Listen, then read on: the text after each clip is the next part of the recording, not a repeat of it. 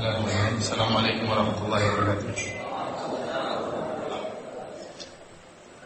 الحمد لله نحمده ونستعينه ونستغفره ونتوب إليه ونعوذ بالله من شرور أنفسنا وسيئات أعمالنا من يهده الله فلا مضل له ومن يضلل فلا هادي له. أشهد أن لا إله إلا الله له لا شريك له وأشهد أن محمدا عبده ورسوله لا نبي بعده.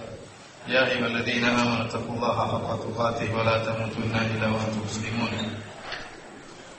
يا أيها الناس اتقوا ربكم الذي خلقكم من نفس واحدة وخلق منها زوجها وبث منهما رجالا كثيرا ونساء واتقوا الله الذي تساءلون به والأرحام. إن الله كان عليكم رقيبا. يا أيها الذين آمنوا اتقوا الله وقولوا قولا سديدا. يصلح لكم أعمالكم ويغفر لكم ذنوبكم. ومن يطع الله ورسوله فقد فاز فوزا عظيما. أما بعد فإن أصدق الحديث كتاب الله وخير الهدى هدى محمد صلى الله عليه وسلم. وشر الأمور محدثاتها فإن كل محدثة بدعة وكل بدعة ضلالة وكل ضلالة في النار. Ikhwani fillah sanallahu yakum kita lanjutkan pengajian kita. Uh, di antara tanda-tanda hari kiamat al-kubra yaitu adalah munculnya dukhan asap yang, yang akan muncul sebelum tiba hari kiamat yang ini sebagaimana pernah disebutkan oleh Allah Subhanahu wa taala dalam Al-Qur'an.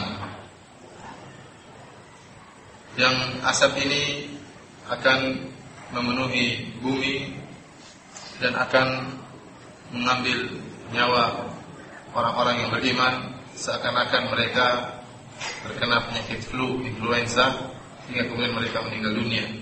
Adapun orang-orang kafir, orang-orang munafik, maka asap tersebut akan masuk dalam tubuh mereka dan mereka pun akan yantafiqun akan berkembang, tubuh mereka membesar dan sehingga asap-asap tersebut keluar dari ya telinga mereka ya asap-asap tersebut keluar dari telinga mereka dan uh, membunuh mereka. Allah Subhanahu wa taala berfirman dalam Al-Qur'an, "Fartaqib yauma ta'ti as-sama'u bi mubin yakhsha nas tunggulah hari di mana langit akan mendatangkan asap yang jelas yang meliputi seluruh manusia. Dan ini juga telah dijelaskan dalam hadis-hadis Nabi Shallallahu Alaihi Wasallam dalam hadis Hudzaifah bin Usaid al Ghifari radhiyallahu taala anhu dia pernah berkata ittala Rasulullah sallallahu alaihi wasallam alaina wa nahnu natadzakar pernah Rasulullah sallallahu muncul melewati kami dan kami sedang berbincang-bincang faqala ma tadzakarun maka Rasulullah bertanya apa yang kalian perbincangkan qulna nadhkuru sa'ah kami sedang berbicara tentang hari kiamat Kemudian kata Nabi SAW, Innaha lan taquma hatta tarau qablaha asyra ayatin. Sungguhnya hari kiamat tidak akan tegak sampai kalian melihat 10 ayat. Di antaranya Rasulullah menyebut tentang dukhan, yaitu asap yang muncul sebelum hari kiamat. Para ulama ya, telah sepakat tentang adanya dukhan dan dukhan termasuk salah satu alamat dari tanda-tanda hari kiamat. Akan tapi mereka khilaf tentang dukhan ini. Apakah dukhan ini, asap ini sudah terjadi ataukah bakalan terjadi? Ada dua pendapat di kalangan para sahabat. Para sahabat berselisih tentang masalah ini. Pendapat pertama menyatakan bahwasanya dukhan yang dimaksud dalam Al-Qur'an tadi. Fartaqib yawma ta'tis sama'u bi dukhanin mubin. Yabshan nas tunggulah ya.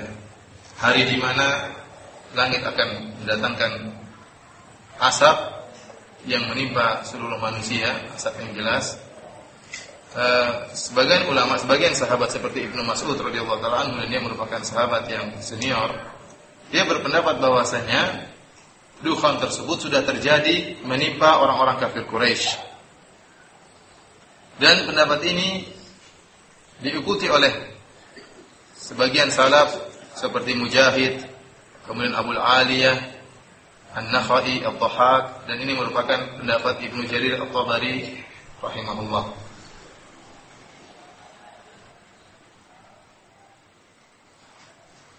Dari hadis Masruq bin Al-Ajda rahimahullah dia berkata Suatu hadis yang diriwayatkan Imam Bukhari dan Imam Muslim dari Masruq bin Al-Ajda rahimahullah dia berkata, "Kunna julusan inda Abdullah bin Mas'ud wa huwa muttaji'un bainana." Kami suatu saat duduk di sisi Abdullah bin Mas'ud dan dia dalam keadaan berbaring. Fa'atahu rajulun faqala ya Aba Abdurrahman, inna qassan 'inda abwabi kindah yaqussu wa yaz'umu anna ayat ad-dukhan taji'u fata'khudhu bi anfasil kuffar wa ya'khudhul mu'minin minha ka hay'ati zukkam. Tiba-tiba ada seorang mendatangi Ibnu Mas'ud yang kunyah Ibnu Mas'ud adalah Abu Abdurrahman. Orang ini berkata, "Wahai Abu Abdurrahman, ada seorang yang bercerita tadi di pintu-pintu Kinda. Dia bercerita dan menyangka bahwasanya ayat tentang dukhan yang disebutkan oleh Allah dalam Al-Qur'an, yaitu dukhan asap yang akan datang kemudian mengambil ya nyawa-nyawa orang-orang kafir demikian juga nyawa-nyawa kaum mukminin seperti orang yang terkena penyakit flu. Faqala Abdullah wa jalasa wa ghadban maka Ibnu Mas'ud radhiyallahu taala yang tadinya berbaring dia langsung duduk dalam keadaan marah dan berkata ya ayuhan nas ittaqullah wahai manusia bertakwalah kepada Allah Subhanahu wa taala man alima minkum syai'an falyakul bima ya'lam Barang siapa di antara kalian yang mengetahui tentang suatu ilmu, maka katakanlah dengan ilmu yang dia miliki. Wa man la ya'lam falyakul Allahu a'lam. Adapun yang tidak tahu, maka hendaknya berkata Allahu a'lam. Allah lebih mengetahui. Fa innahu a'lamu li ahadikum an yaqula lima la ya'lam Allahu a'lam. Fa inna Allah Ta'ala qala li Nabi sallallahu alaihi wasallam, "Qul ma as'alukum alaihi min ajrin wa ma ana minal mutakallifin." Kemudian disebutkan Uh, kemudian dia mengatakan inna Rasulullah sallam lamma ra'a minan nasi idbaran qala Allahumma sab'an kasabi'i Yusuf ya. Jadi Ibnu Mas'ud menjelaskan bahwasanya dukhan yang dimaksud bukanlah dukhan yang akan datang sebelum hari kiamat, tapi dukhan yang pernah terjadi pada orang-orang kafir Quraisy. Inna Rasulullah lamma ra'a minan nas idbaran. Tatkala Rasulullah sallam melihat orang-orang kafir Quraisy, mereka tidak menerima dakwah Nabi sallallahu alaihi wasallam, bahkan menentang dakwah Nabi sallallahu alaihi wasallam, maka Rasulullah SAW pernah berdoa, Allahumma sab'an kasabi Yusuf.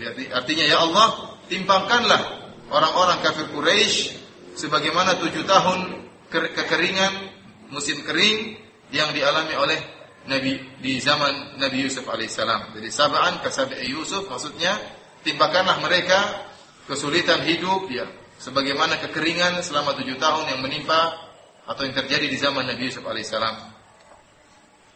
Dalam riwayat yang lain, anna Rasulullah sallallahu alaihi wasallam lamma da'a Quraisyan kadzabuhu wasta'saw alaihi. Tatkala Nabi sallallahu alaihi wasallam menyeru orang-orang kafir Quraisy untuk masuk Islam, kadzabuhu, maka mereka mendustakan Nabi sallallahu alaihi wasallam dan mereka bermaksiat kepada Nabi sallallahu alaihi wasallam. Maka Nabi pun berdoa, Allahumma a'inni alaihim bisab'in kasab'i Yusuf. Ya Allah, tolonglah aku untuk melawan mereka dengan membuat mereka merasakan musim kering dan musim selit, sulit ya kesulitan hidup sebagaimana tujuh tahun musim kering yang dialami atau yang terjadi di zaman Nabi Yusuf. Fa'akhadathum sanatu hassat hassat kulla syai.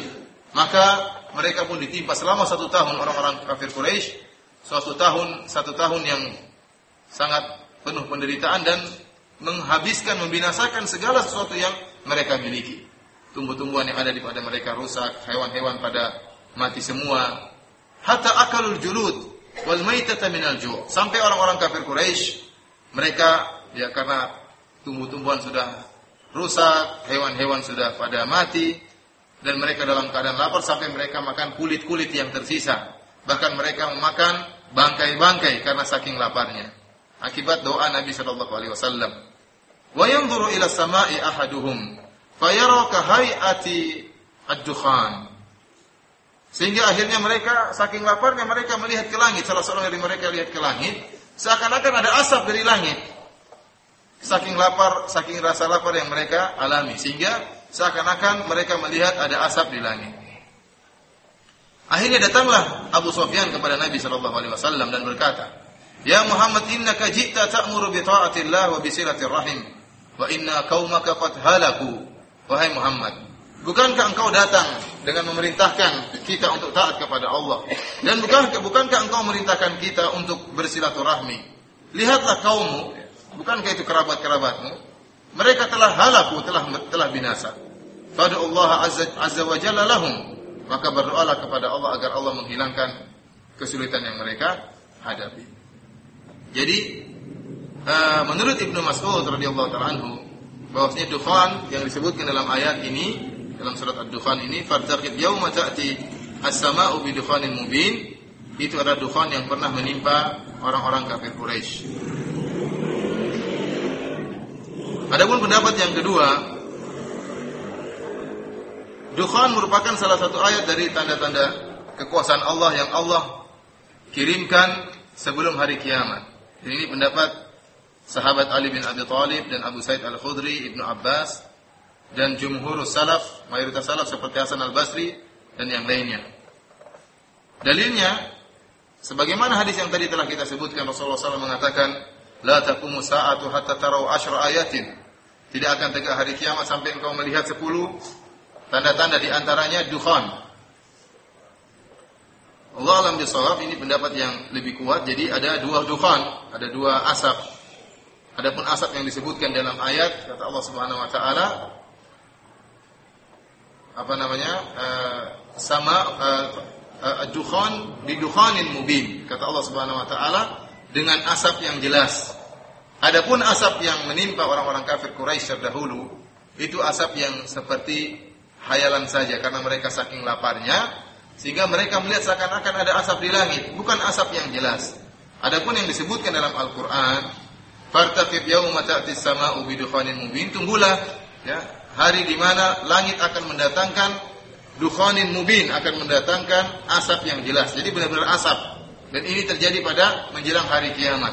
Kemudian kata Allah Subhanahu wa taala yakshan nas dan asap tersebut akan meliputi seluruh manusia. Sementara asap yang menimpa orang-orang kafir Quraisy hanya menimpa orang-orang kafir Quraisy. Jadi pertama asap yang menimpa orang kafir Quraisy, asapnya tidak jelas, hanyalah khayalan yang dilihat oleh orang-orang kafir Quraisy.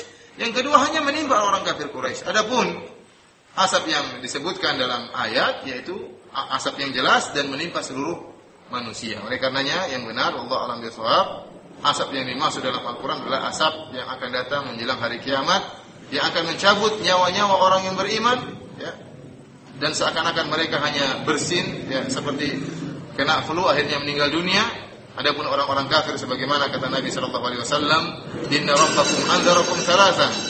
Sungguhnya Rabb kalian telah mengingatkan kalian dengan tiga perkara. Tiga perkara ad-dukhan ya'khudhul mu'min kazukmah. Asap yang akan mencabut nyawa seorang mukmin seperti penyakit influenza. Wa ya'khudhul kafir fayantafikhu hatta yakhruju min kulli masma'in minhu. Adapun orang-orang kafir akan dimasuki oleh asap tersebut dan badan mereka akan menjadi mengembang sehingga asap tersebut keluar dari dari telinga mereka, dari lubang hidung mereka. Dan peringatan Allah yang berikutnya adalah dabah dan yang ketiga dajjal. Oleh karenanya yang benar bahwasanya asap tersebutlah asap yang akan tiba menjelang hari kiamat. Dan ini merupakan pendapat Ibnu Abbas radhiyallahu taala.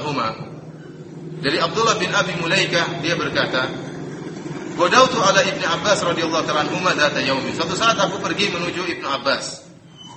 Tiba-tiba Ibnu Abbas berkata, "Manim tu lailata hatta asbahtu." Saya tadi malam tidak bisa tidur sampai pagi hari. Qultu lima, kenapa engkau tidak bisa tidur wahai Ibnu Abbas? Qalu qala qalu tala al kaukabu dzu dzanabi fa khashitu an yakuna dukhan. Mereka bilang tadi malam ada komet ya. Ada apa? Bintang yang ada ekornya namanya apa? Komet. Jadi komet pernah terjadi di zaman sahabat. Mereka mengabarkan hal ini kepada Ibnu Abbas. Ibnu Abbas tidak mengerti, dia menyangka itu dukhan. Ya, dia menyangka itulah dukhan yang akan tiba menjelang hari kiamat sehingga membuat dia tidak bisa tidur. Ternyata itu adalah apa? Komen. Ya. Jadi Ibnu Abbas meyakini bahwasanya dukhan itu belum tiba, akan tapi akan terjadi menjelang menjelang hari kiamat. Inilah pendapat yang dipilih oleh Ibnu Ibnu Katsir rahimahullah. Khani fil azan Allah ayakum. Ayat selanjutnya selain dukhan yaitu tulu syams min maghribiha, terbitnya matahari dari arah barat. Ini telah disebutkan oleh Allah dalam Al-Quran. Yauma ya'ti ba'du ayati rabbik la yanfa'u nafsan imanuha lam takun amanat min qablu aw kasabat fi imaniha khaira. Ya, hari di mana akan tiba sebagian tanda-tanda kebesaran Allah Subhanahu wa taala yaitu di antaranya adalah terbitnya matahari dari barat.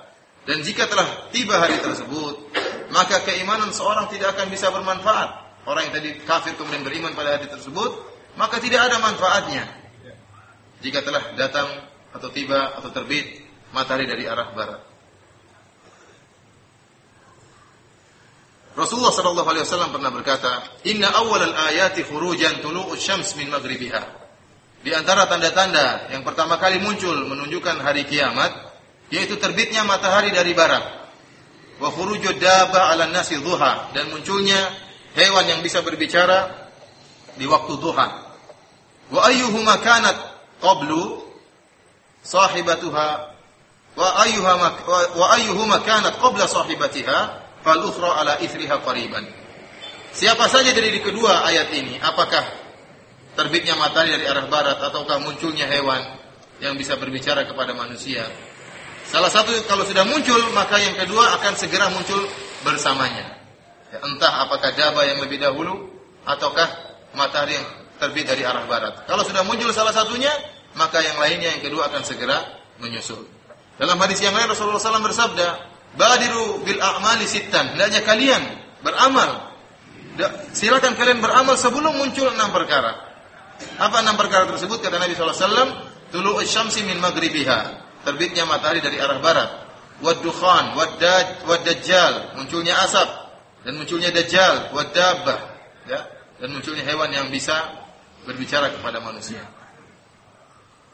Jadi tatkala kata dalam satu hadis kata Nabi SAW, fa idza tala'at wa ra'aha an-nasu amanu ajma'un. Jika matahari telah terbit dari barat dan dilihat oleh seluruh manusia, maka seluruhnya beriman kepada Allah Subhanahu wa taala.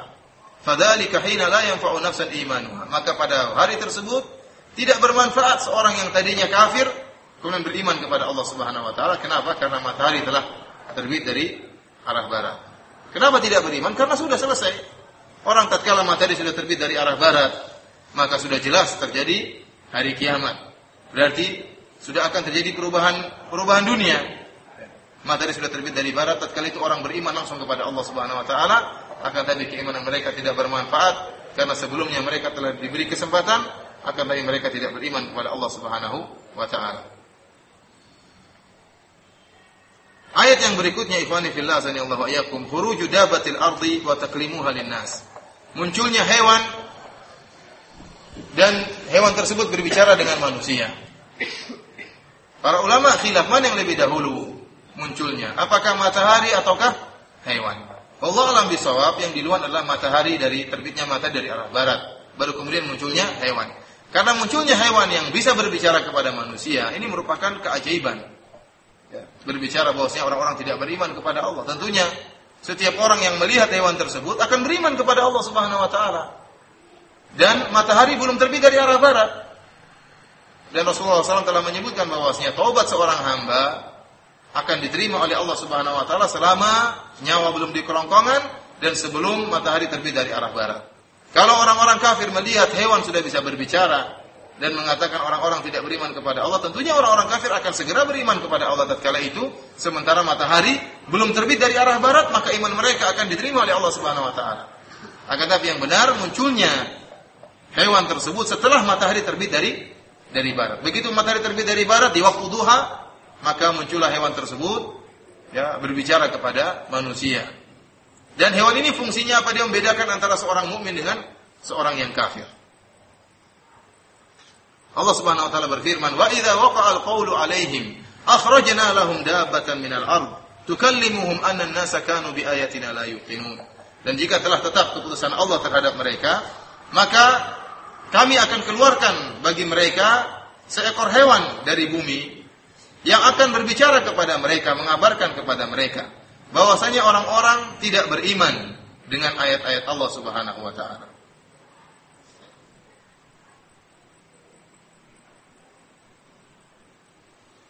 Adapun hadis-hadis yang menunjukkan munculnya dabah sebagaimana telah lalu, banyak hadis-hadis yang menjelaskan bahwasanya munculnya dabah hewan tersebut merupakan salah satu dari tanda-tanda hari kiamat. Bagaimana sifat-sifat hewan tersebut? Dalam hadis disebutkan dalam hadis Abu Umamah Al-Bahili radhiyallahu taala anhu Rasulullah SAW berkata, "Takhruju dabbatu fatasimun nasa ala kharatimihim." Hewan tersebut akan keluar, kemudian dia akan memberi cap ya, kepada manusia di hidung-hidung mereka. Diberi cap sama dia entah pakai apa, entah pakai besi atau yang lainnya. Sampai kata Nabi SAW, Hatta yashtari rajulul ba'ir, fayaqulu mimman ishtaraitahu sampai ada seorang yang akhirnya beli kambing eh beli onta maka ditanyakan kepada dia dari mana kau beli onta tersebut? Fayaqulu ishtaraituhu min ahadil mukhattamin.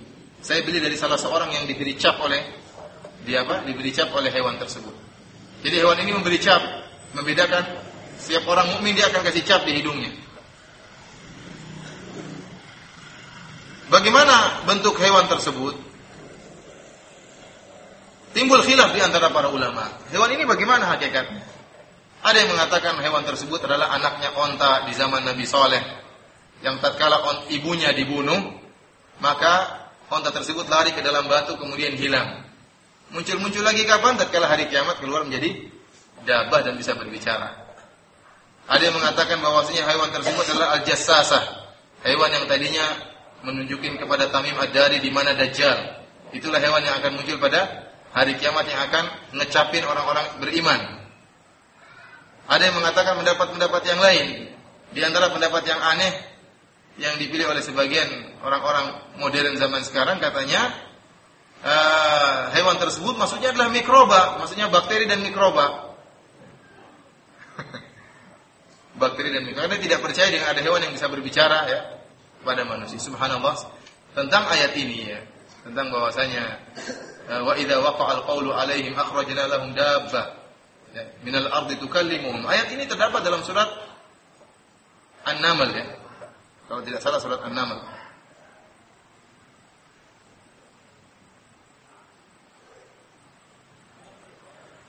Iya dalam surat An-Naml. Padahal kalau antum baca surat An-Naml, antum dapati bahwa di situ ada perbincangan perbincangan Nabi Sulaiman dengan burung hudhud. Dalam surat itu juga. Nabi Sulaiman berbincang dengan burung hudhud. Nabi Sulaiman mendengar perkataan siapa? Perkataan semut. Fatabassama dhahikan min qawliha. Bahkan Nabi Sulaiman tersenyum tatkala mendengar semut ya. Semut berbicara. Ya ayuhan namlu dukhulu masakinakum la yahtimannakum Sulaiman wa junuduhu fahum la yashurun. Kata seekor semut kepada pasukan eh, teman-temannya semut yang lain, wahai semut, Masuklah kalian ke dalam rumah-rumah kalian. Jangan sampai kalian kelindas oleh Sulaiman dan para pengikutnya dan mereka tidak sadar. Akhirnya Nabi Sulaiman tatkala mendengar perkataan semut ini yang begitu baiknya memperingatkan umatnya dari apa? Bahaya Nabi Sulaiman dan pasukannya. Nabi fatabassama dhahikan min qawliha. Nabi Sulaiman paham dengan perkataan semut, kemudian dia dia tertawa mendengar perkataan semut tadi. Ini semut yang husnudzon kepada Nabi Sulaiman. Artinya dia bilang apa? Kalau kalian kelindas, salah sendiri yang Nabi Sulaiman tidak ngerti. Dia tidak ngerti kalau melindas kalian. Jadi dia husnudzon kepada siapa? Nabi Sulaiman dan memberi udur kepada Nabi Sulaiman. Ya. Kalau kita belum tentu seperti semut itu ya. Intinya dalam surat An-Naml, subhanallah, ayat ini tentang keluarnya dabah, hewan yang bisa berbicara, terdapat dalam surat An-Naml. Yang dalam surat tersebut menceritakan bahwasanya hewan bisa berbicara, di antaranya burung butut, di antaranya semut. Oleh karenanya, kenapa mereka menolak dan menyatakan tidak mungkin ada hewan bisa berbicara? Bahkan dalam satu hadis yang diriwayatkan Imam Al Bukhari, ya kata Rasulullah Sallam, "Bainama rajulun yamshi bi baqaratihi id raqibaha." Tatkala ada seorang laki-laki berjalan dengan sapi milik dia, tiba-tiba laki-laki ini nunggangi sapinya. Maka sapinya protes. Sapinya berkata, ini lam ukhlaq li hadha. Saya tidak diciptakan oleh Allah untuk kau tunggangi. Innama khuliqtu lil tapi Allah ciptakan saya untuk bajak tanaman, bajak tanah, untuk tanaman, bukan untuk ditunggangi. Rasulullah SAW menyampaikan hal ini di hadapan para sahabat. Kata Rasulullah suatu saat pernah ada orang sedang jalan dengan sapinya, kemudian dia tunggangi sapinya, sapinya protes. Maka para sahabat berkata, Ya Rasulullah, Abaqaratun tatakallam. Ya Rasulullah, apakah ada seekor sapi bisa berbicara? Ini para sahabat bertanya demikian. Kata Nabi SAW, fa inni uminu bidzalik wa Abu Bakrin wa Umar, wa laysa huma sama. Ya. Kata Rasulullah SAW, saya beriman dengan hal itu pernah terjadi. Dan demikian pula Abu Bakar akan beriman dan demikian demikian pula Umar akan beriman dengan perkataan saya ini. Padahal tatkala itu di di, di jamaah tidak ada Abu Bakar dan tidak ada Umar. Karena saking kuatnya iman Abu Bakar dan Umar, maka Rasulullah mengatakan, kalau Abu Bakar mendengar hadis ini, pasti dia langsung benarkan. Kalau Umar mendengar hadis ini, pasti dia langsung membenarkan. Intinya hewan bisa bisa berbicara. Kenapa kita sampai menolak akan hal ini? Jangankan hewan, nanti antum di akhirat pun tangan-tangan antum bisa berbicara. Ya. Gimana ayatnya Ali? Wa tukallimuna aydihim wa tashhadu arjuluhum bima kanu ya'malun ya. Yaksibun. Hari di mana? Yauma nakhtimu ala afwahihim ya. hari di mana? Al yauma nakhtimu ala afwahihim. Pada hari tersebut hari kiamat kami akan menutup mengunci mulut-mulut mereka. Wa tukallimuna aydihim. Ini dalam Al-Qur'an dalam surat Yasin. Dan tangan-tangan mereka akan berbicara dengan kami. Wa tashhadu arjuluhum. Dan kaki-kaki mereka akan menjadi saksi. Demikian juga kulit-kulit akan berbicara Wa qalu li juludihim lima syahidtum alaina? Qalu antaqana Allahu kulla syai'. Mereka bertanya protes kepada kulit-kulit mereka, "Kenapa kulit-kulit kalian bersaksi untuk menjatuhkan kami?" Kulit-kulit berkata, "Allah telah membuat kami berbicara." Antum melihat kulit, tangan, kaki tidak ada lisannya, tidak ada otaknya bisa berbicara. Bagaimana lagi dengan hewan yang ada otaknya, ada lisannya, ada mulutnya, ada giginya, ada bibirnya? Allah lebih mudah untuk membuat hewan tersebut berbicara. Sapi tadi berbicara dalam hadis, sekarang ada dabah bisa berbicara. Kenapa kita mengatakan tidak mungkin? Apa kita beriman dengan ayat Allah atau tidak? Sehingga sebagian orang menolak hadis-hadis seperti ini. Sebagian orang-orang yang menolak hadis-hadis ahad. Mereka mengatakan maksudnya yang dimaksud dengan hewan tersebut adalah mikroba ataupun eh, virus-virus uh, yang terdapat dalam dalam tubuh. Ini takwil yang terlalu jauh. Apa mikroba pernah ngomong sama antum? Di sini disebutkan bahwasanya hewan tersebut akan berbicara dengan manusia. Apakah mikroba pernah berbicara dengan antum? Kata mereka, maksudnya apa? Maksudnya mikroba tersebut akan menyerang virus-virus yang akan datang itu menyerang manusia sehingga manusia pada tewas dan mereka sadar ternyata kita harus beriman kepada Allah nih karena kita bakalan mati. Jadi maksudnya ditakwil seperti itu, nggak benar. Ini takwil yang jauh karena menurut mereka tidak masuk dalam akal mereka. Adapun kita kita beriman bahwasanya akan datang seekor hewan yang berbicara kepada manusia bahwasanya kalian sekarang tidak beriman kepada ayat-ayat Allah Subhanahu wa taala. Bagaimana sifat-sifat hewan tersebut? Allah alam kita tidak tahu. Kita jangan ngigo dan jangan membuat dongeng. Yang jelas ada hewan bentuknya seperti apa tidak tahu. Fungsi dia cuma memberi tanda kepada orang-orang beriman di hidung-hidung mereka bahwasanya ini beriman ini kafir. Apakah dia adalah anaknya onta yang ada di zaman Nabi Soleh ataukah dia adalah ajasasa? Tentunya kita tidak tahu dan tidak bisa kita pastikan karena tidak ada dalil yang tegas menyatakan akan hal ini.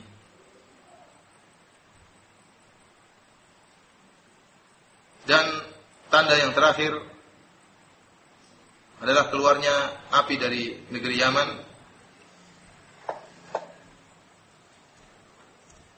yang akhirnya mendorong mengusir manusia menuju ke mahsyar mereka, tempat mereka berkumpul.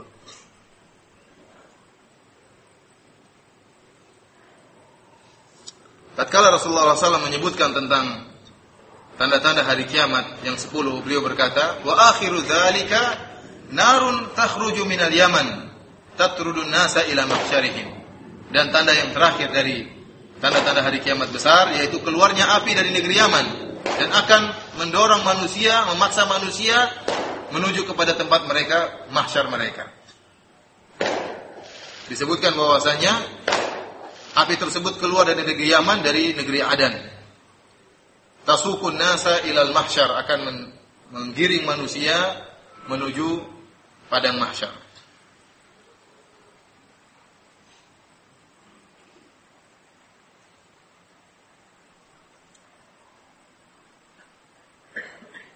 Ada tiga kondisi manusia tatkala keluar api tersebut. Kondisi yang pertama, tiga golongan manusia tatkala menghadapi api tersebut. Unasun yuhsyarun radibin ta'imin. Yaitu manusia yang dikumpulkan dalam keadaan semangat, bahkan mereka dalam keadaan makan, dalam keadaan naik kendaraan. Tidak jadi masalah bagi mereka tatkala datang api e, mendorong mereka. Ada golongan kedua unasun yamshun taratan wa yarkabuna ukhra. Kadang-kadang naik kendaraan, kadang-kadang enggak naik kendaraan. Ya ta'aqabuna al-ba'ir al-wahid. Ya ganti-gantian naiknya. Ini golongan yang yang kedua. Ada bentuk manusia yang ketiga. Unasun tahsyuruhumun nas fatuhitu bihim. Tahsyuruhumun nar fatuhitu bihim wa min kulli janib ila ardil mahsyar. Ada orang yang berjalan diliputi oleh api, ya. Di mana saja dia pergi berhenti api itu tetap tetap bersama dia. Dia berjalan ada api tersebut. Dia tidur api itu beserta dia terus ya. Tidak pernah pergi dari dari dia. Kata Nabi sallallahu alaihi wasallam, "Yuhsyarun nas ala thalatha ala thalathi tara'iq." Manusia akan dikumpulkan dalam tiga model.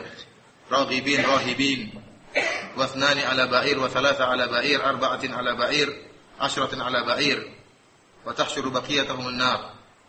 Wa tabitu ma'ahum haitsu batu wa tusbihu ma'ahum haitsu asbahu wa tamshi ma'ahum haitsu wa tumsi ma'ahum haitsu amsu. Ada orang dalam keadaan takut ya. Dua orang di atas onta, ada tiga orang di atas onta, ada empat orang di atas onta karena dikejar diusir oleh api. Ada orang yang sepuluh orang naik satu ekor onta.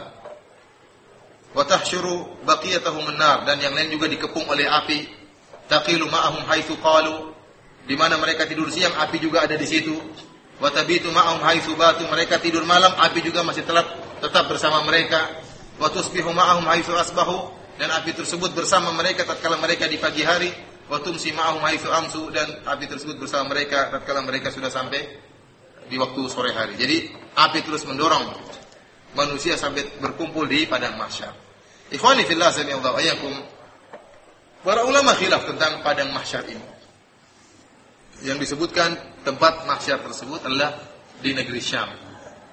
Apakah padang mahsyar ini yang merupakan padang mahsyar yang merupakan tempat manusia dikumpulkan dari kuburan-kuburan mereka kemudian disidang oleh Allah Subhanahu wa taala. Ada yang mengatakan iya, ada yang mengatakan tidak. Allah alam bisawab yang rajih bahwasanya ini bukan padang mahsyar yang manusia akan dibangkitkan di, di setelah uh, terjadi perubahan.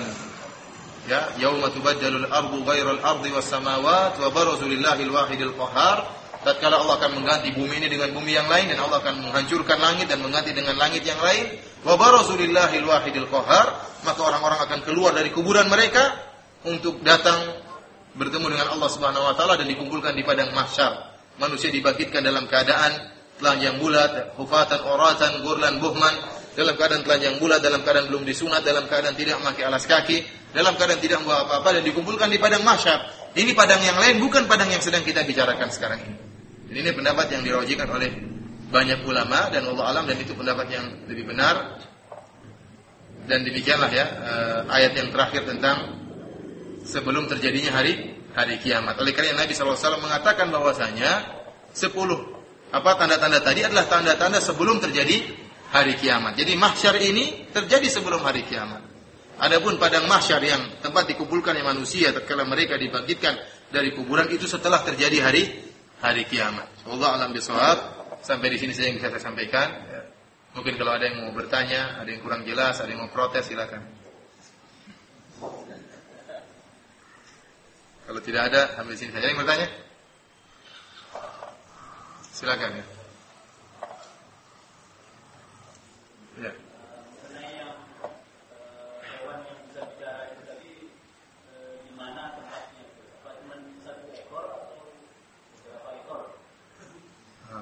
Allah alam ya. Zahirnya cuma satu ekor aja. Allah mengatakan akhrajna lahum dabbatan minal ard. Kami keluarkan bagi mereka seekor hewan. Oleh karenanya tadi para ulama khilaf, ada yang ada yang, atau sebagian ada yang berpendapat dia adalah anaknya unta Nabi Soleh. Oleh anaknya anak, anaknya unta Nabi Soleh cuma satu ekor. Atau jasa saja, jasa juga cuma satu ekor ya. Tapi subhanallah memberi kemampuan kepada dia untuk berbicara kepada seluruh manusia. Sebagaimana Dajjal Dajjal Allah beri kemampuan untuk berjalan ke seluruh tempat Demikian juga hewan ini ya atau bisa kita tidak tahu bagaimana caranya jelas dia bisa berbicara kepada seluruh manusia. Apakah suaranya diperdengarkan oleh Allah pada seluruhnya ataukah dia berpindah-pindah tempat dari tempat ke tempat yang lainnya? Allah alam yang jelas dia berbicara dengan dengan manusia mengabarkan bahwasanya apa eh, orang-orang tidak beriman kepada ayat-ayat Allah Subhanahu wa taala. Mau ketemu hewan tersebut? Kalau saya tidak ingin ketemu. Silakan.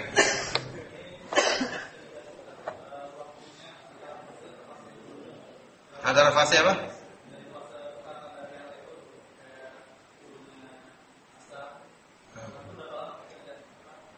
Allah alam saya tidak tahu. Berapa tahun, berapa bulan, berapa hari, saya tidak tahu. Allah. Ya.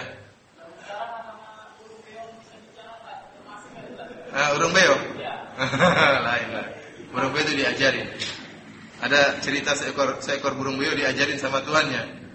Kalau dia ditanya selalu dia mengatakan hal tasyuku fi dzalik. Apakah kau ragu dengan hal itu? Itu aja yang dia bisa ngomong. Dia cuma bisa ngomong, apakah kau ragu dengan hal itu?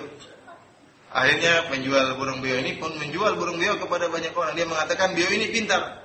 Dia bisa bahasa apa saja. Sehingga kalau orang bertanya, apakah kau bisa bahasa Inggris? Apakah kau ragu dengan hal itu? Bisakah kau bahasa Arab? Apakah kau ragu dengan hal itu? Akhirnya dibelilah beo tersebut dengan harga yang mahal. Sampai di rumah ternyata dia cuma bisa ngomong itu aja. Ada lagi yang bertanya? Beo itu ngomong tapi nggak bisa mikir, nggak bisa nyambung. Itu macam ngobrol nggak bisa dia. Ada yang bertanya? Kalau tidak ada sampai di sini saja yang tum sudah lelah apalagi saya. Subhanakallah bihamdika asyhadu an la ilaha illa anta Assalamualaikum warahmatullahi wabarakatuh.